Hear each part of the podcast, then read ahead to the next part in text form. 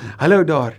Ons het by die laaste hoofstuk van ons reis met Petrus oor die klomp weke wat verby is aangekom. En by die derde hoofstuk van ons kort reis nou met die tweede brief van Petrus. Petrus hierdie man met hierdie gedrewenheid om die waarheid van die evangelie net weer neer te kom sit om gelowiges op te roep tot 'n lewe van heilige toewyding aan die Here, van groei in hulle kennis van die Here, van groei in hulle uitleef van die evangelie van groei in hulle insig en hulle volharding en hulle selfbeheersing en hulle liefde vir mekaar en liefde vir die wêreld. Maar ook van groei te midde van 'n wêreld wat dwaalleer verkondig waar valse leraars die orde van die dag is. Jy sou kon sê hulle is the flavor of the day. Want hulle het goed gesê wat lekker was op die hoor vir die hoorders. Wat gepraat het van vryheid, maar wat alsbehalwe vryheid in wese teweeggebring het want die vryheid het mense weer vasgemaak. Dit het hulle teruggeneem om weer hulle self en hulle sonde te laat laat oorgee en soos 'n vark wat weer in die modder gaan rol of 'n hond wat teruggaan na sy braaksel toe, so om terug te keer van die goeie weg na die dwaalweg van gered wees en die waarheid ken na verlore wees daarsonder. En Petrus se se begeerte, sy dryf was hoor asseblief hoor die waarheid en kom by die Here uit. En as gelowige volhard. Wanneer hy dit afsluit, is hierdie die laaste woorde van hierdie man wat in die doodsnikke van sy lewe steeds die kerk wil aanmoedig om soos Paulus dit beskryf in 2 Timoteus 4, soos Petrus dit ook hierin te beskryf, om te volhard tot op die einde toe. Want die Here se begeerte is redding redding van sy oordeel, maar redding sodat ons hom kan ken want sy wil is vir ons beswil en sy plan vir sy wêreld is herstel. Vir gelowiges dit te kom sê. En vir jou en my dit ook vandag te kom sê. Mag ons daarom in hierdie laaste hoofstuk ook weer eens net sy hart hoor vir die kerk, maar God se hart hoor ook vir jou en my. Kom ons bid. Dankie Here Jesus.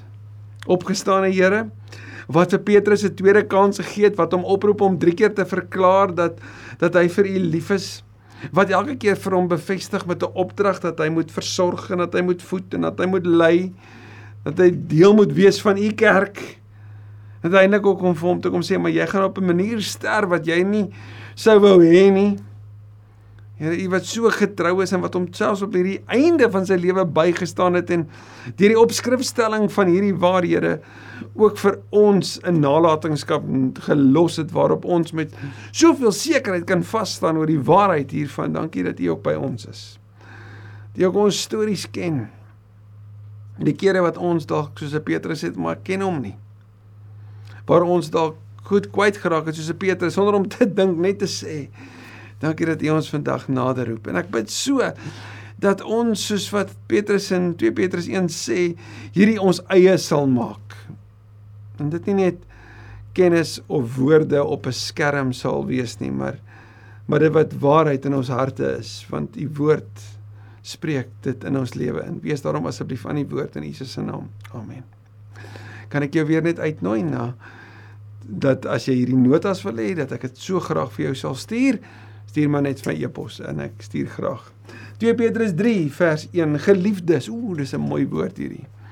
Hierdie woord geliefdes is wat ek en jy sien daar in Romeine 16.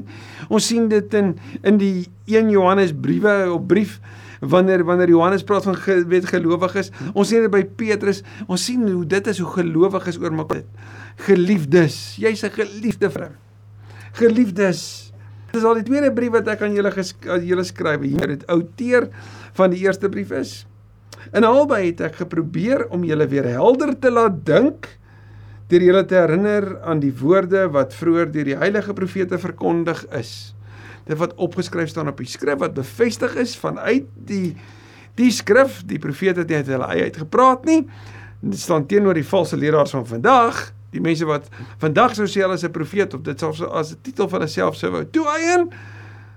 Petrus sê ek het probeer om julle net weer te herinner aan die woorde van die profete en die heilige profete as ook aan die gebod van die Here en verlosser ekskuus wat deur die apostels aan julle oorgedra is. En wat is daai gebod? Om die Here jou God lief te hê en jou naaste soos jouself. Veral moet julle weet dat daar in die laaste dae, in hierdie laaste dae sien ons in Hebreërs byvoorbeeld hoofstuk 1, die laaste dae breek aan wanneer Jesus kom. Toe Jesus gekom het, nie wanneer hy kom weer kom nie, maar toe hy gekom het, vandat Christus se koms. Ons sien Hebreërs sê dat nou in hierdie laaste dae het God met ons gepraat. Net die uitstorting van die Gees, die koms van die Messias. Dis die laaste dae. Daarom in hierdie laaste dae sal mense op die toneel verskyn wat die spot dryf en wie se lewe net deur hulle eie begeertes beheers word. Ons het verlede keer gepraat oor die progressive Christianity. Maar so die spot dryf met gelowiges wat vashou aan aan die waardes van die woord, aan die Bybelse wêreldbeeld, aan dit wat die die woord vir ons neerlê oor oor oor God se orde, oor oor God se natuur, want dis wat hoofstuk 1 ons ook teruggeneem het na toe, nê? Nee?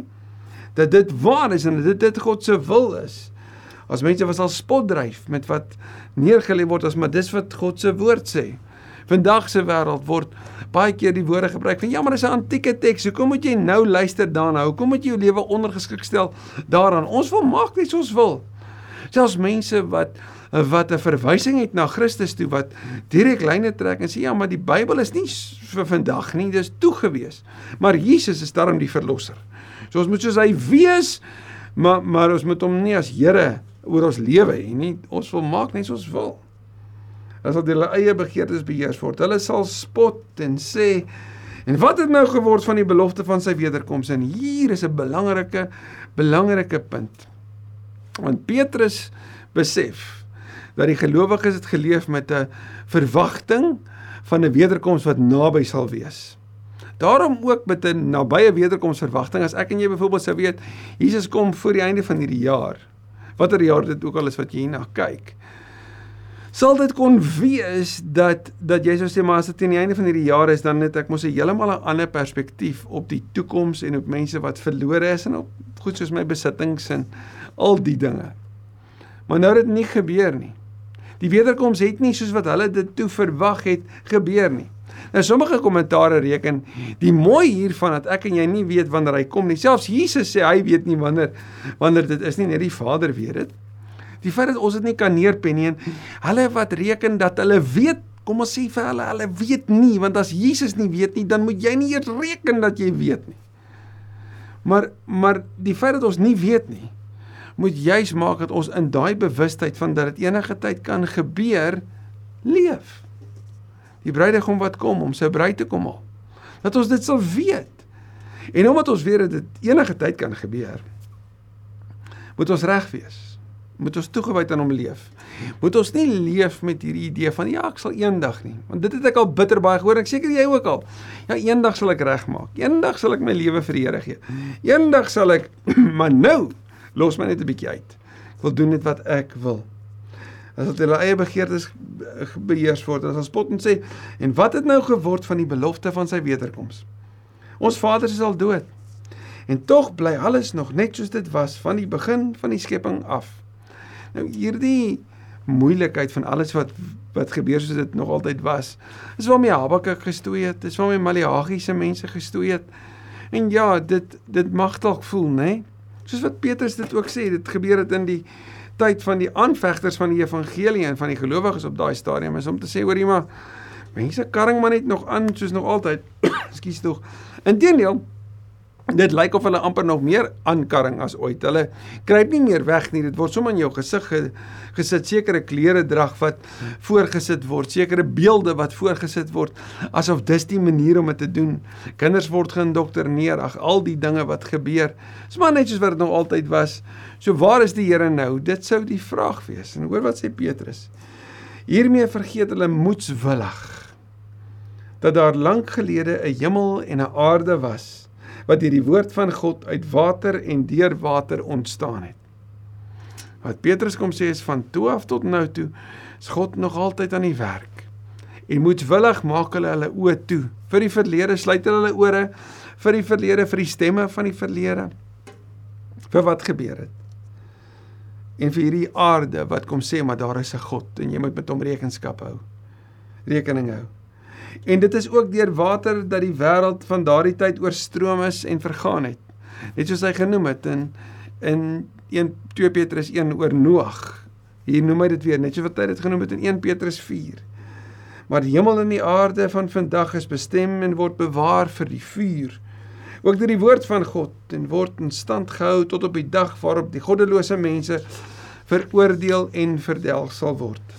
Een ding moet julle egter nie vergeet nie, geliefdes. En hierdie is vir die gelowiges, maar is vir jou my. Dis vir daai tyd, maar is ook vir nou. Hierdie moet julle nie vergeet nie. Vir julle wat wonder oor wanneer gaan die Here weer kom. Die Here is buite tyd. En hier sê Petrus dit vir die Here is een dag soos 'n 1000 jaar en 'n 1000 jaar is soos een dag. Psalm 90 se woorde. Die Here stel die vervulling van sy belofte uit nie al dink party so. Nee. Hy is geduldig met julle. En hoor dan hierdie woorde. Omdat hy nie wil hê dat iemand verlore gaan nie. hoor mooi. God wil nie wat dat iemand verlore gaan nie. Dis nie die Here se wil, sy plan, sy droom dat iemand verlore gaan nie. Daarom is hy geduldig. Daarom is daar tyd vir mense om tot bekering te kom. Daarom is daar 'n vandag in jou en my lewe. Daarom sal Hebreërs sê as dit vandag nog is, gryp dit aan, anders word jou ore doof en hoor jy dit dalk nie later nie. Gryp hierdie oomblik. Hy wil nie dat iemand verlore gaan nie. Hy wil hê dat almal wat hulle moet bekeer. Bekeer almal hulle? Nee. Maar wat is God se wil? Dat almal sal wegdraai van die sonde af en hom sal aanbid en hom sal volg. Maar die dag van die Here sal so onverwags soos 'n dief kom. Dis 'n wille woord, net die dief. En dit is 'n skokkende woord. Dis nie asof God kom om te kom inbreek nie. Nee, dit kom onverwags want jy kan nie 'n dief se koms bepaal nie. Daarom gaan jy ook nie die Here se kan bepaal nie. Onverwags. En op die dag sal die hemel met 'n groot gedruis verdwyn, die hemelliggame brandend tot niet gaan en die aarde met alles wat daarop is vergaan. Want wat sê Openbaring 21? Kyk, ek maak alles nuut. Aangesien al die dinge so aan hulle einde kom, moet julle des te meer vroom en aan God toegewy lewe. Leef met die verwagting dat hy enige tyd kom en daarom wees toegewy. Wees gedissiplineer. Wees volhardend besig met dit wat reg is. Leef in verwagting dat die dag van God kom en berywer julle daarvoor. Die dag waarop die hemel in vlamme sal vergaan, die hemelliggame sal brand en wegsmelt. Maar ons leef in die verwagting van 'n nuwe hemel en 'n nuwe aarde wat God beloof het, maar waar die wil van God sal heers. Met ander woorde gelowiges, ons wat 'n bepaalde wêreldbeeld het, ons wat 'n bepaalde verwagting het, ons wat voel soos wat Petrus dit beskryf daar in 1 Petrus 1, dat ons vreemdelinge in hierdie wêreld is, dat ons nie inpas nie. Daar kom 'n dag. En daar sal 'n dag kom en dit is vas en is seker. Wanneer ons dit wat ons verstaan van die lewe die heeltyd gaan beleef. En vir gelowiges wat op hierdie oomblik ly, is daar die hoop om vir altyd by hom te wees. Vir ander wat die lyding op hierdie oomblik vir gelowiges veroorsaak, is daar ook 'n belofte om vir altyd te ly. Jy het 'n keuse. Daarom geliefdes, terwyl julle hierdie dinge verwag, moet julle julle daarvoor beywer en hier is weer eens die kyk, die vooruitkyk en dan van om vanuit die toekoms nou na toe te leef. Om nie vanuit die Here na die toekoms te kyk nie, maar vanuit die toekoms te kyk na ons realiteit omdat dit waar is. Hoe moet ons daarom leef? Dis soos wat ons die heeltyd sien in die Nuwe Testament.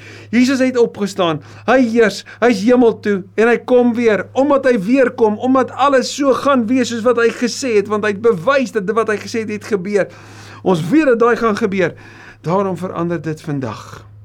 Wat moet ons vandag doen? Hoe moet ons vandag leef? Vlekkeloos en onberispelik voor God en in vrede met hom te lewe. Vrede is 'n verhoudingsterm. Die vrede wat hy herstel het, sien ons daar in, Kolossense 1, nê? Nee? Hy het die skuldbewys wat teen ons is Kolossense 2 tot niet gemaak. Hy het vasgespijker, dit is weg. Die klagstaat is verwyder. Ons is skoon gewas. Romeine 8, daar's geen veroordeling nie. En beskou die geduld wat ons Here met ons het as geleentheid om gered te word. Beskou die geduld wat die Here met ons het terwyl ons nog op aarde is, terwyl ons nog asemhaal. As 'n geleentheid om gered te word. Hoe word ons gered? Deur hom aan te roep as die Here van my lewe. Openbaring praat van hom dat hy sal inkom in my lewe hoofstuk 3 vers 20. So het ons geliefde broer Paulus immers ook met die wysheid wat aan hom gegee is aan julle geskrywe. En hier sien ons 'n band wat in die antieke in die eerste gelowiges en die eerste gemeentes soveel waarde gehad het want hierdie twee groot leiers, hierdie twee groot skrywers ook van die Nuwe Testament wat oor mekaar skryf. Paulus skryf oor Petrus en Galasiërs en Galasiërs skryf hier oor Paulus. Paulus wat verpraat het oor hoe jy gered word. Die hele Romeine brief het ons dit ook hanteer. Hy skryf dit ook in al sy briewe waarin hy oor hierdie saak handel. Daar is dinge in sy briewe wat moeilik is om te verstaan. Of ek al sê Petrus as jy toegesukkel het, hoe sukkel ons hier nou nie, nê? Nee? Oningeligte en onstandvaste mense gee daaraan 'n verkeerde uitleg. Hey, is dit nie so nie, nê? Nee? Ek dink sommer net aan Romeine 1. Soos hulle trouens ook doen met die res van die skrif en dit is ook so. En dit tot hulle eie ondergang in hierdie laaste twee verse wat Petrus ons mee los. Geliefdes, en hoeveel keer het hy nie hierdie woord in hierdie laaste hoofstuk gebruik nie? Vir jou en my, geliefdes. Julle weet dit nou vooruit. Jy weet wat kom. Wees dus op julle hoede dat julle nie meegesleep word deur die dwaaling onthou jy valse lering en valse leraars deur die dwaaling van beginsellose mense en so van julle eie standvastigheid beroof word nie. Hy het gesê die Here het vir julle die krag gegee om vas te staan moenie deur die dwaaling van hierdie standvastigheid beroof word nie. Die dief kom steel, slag en uitroei. Ooh, die woord homself net so herhaal op soveel plekke. Sorg daarteen dat jy steeds toeneem, soos Kolossense 3:10 sê, ons groei daarin, soos wat 1 Petrus 2 Petrus 1 sê, ons groei in ons kennis, dat jy steeds toeneem in genade en kennis van ons Here en Verlosser Jesus Christus. Vier titels vir een persoon. Hy's die Here, nê? Nee? Hy is die verlosser. Hy is die redder. Hy is die gesalfde. Aan hom behoort die heerlikheid nou tot in ewigheid. Soos wat ons ook sien in Romeine wanneer Paulus dit beskryf in hoofstuk 11, hoofstuk 15. Aan hom alle eer. Amen. Staan vas. Loop die reguit pad. Vermy die dwaaling weet dat vandag is 'n dag van genade. God wil nie dat iemand verlore gaan nie. Hy wil hê dat ek en jy gered word. Daarom het ons vandag. Mag ons die meeste gebruik maak ook daarvan. Kom ons loop die reguit pad. Kom ons beywer onsself vir die waarheid om vroom voor die Here te leef, om in die regte verhouding met die Here te leef, om met vrede met God te leef, om regtig te let op ons lewe. Wat beteken dat ons nee sê vir die sonde, nee sê vir my vlees, ja sê vir hom. Sjoe Here Jesus. Dankie vir hierdie kosbare reis met hierdie baie belangrike brief. Dankie vir die relevantie daarvan ook in ons wêreld, ook in my lewe. Help my Here om te luister na u wil, na u woord om ook die uitleg van u woord te toets aan die getrouheid ook soos wat u woord dit ook vir ons wys sodat ek kan sien wat waar is en my lewe daarvoor kan blootstel, kan oopstel en kan vra Here Kom wys my, kom leer my. Deurgrond my o God, deurgrond my hart. Ondersoek my en lei my op die regte pad. sien my onrus raak. Kom was my skoon. En stap voor. Kom wees die koning van my lewe, die koning van my hart. Die koning ook in hierdie dag. In Jesus se naam. Amen. Dankie vir jou saamreis. As hierdie vir jou van waarde is, stuur dit gerus aan. Onthou ons bid graag saam met jou. Onthou ook dat jy kan deel wees van 'n aanlyn selgroep sou jy wou. Onthou dat ons as kerk van die Here reg oor die wêreld mekaar moet bemoedig, moet aanmoedig want ons het mekaar nodig sodat die liefde wat ons met mekaar deel ook sigbaar kan word vir hierdie wêreld. Mooi dag.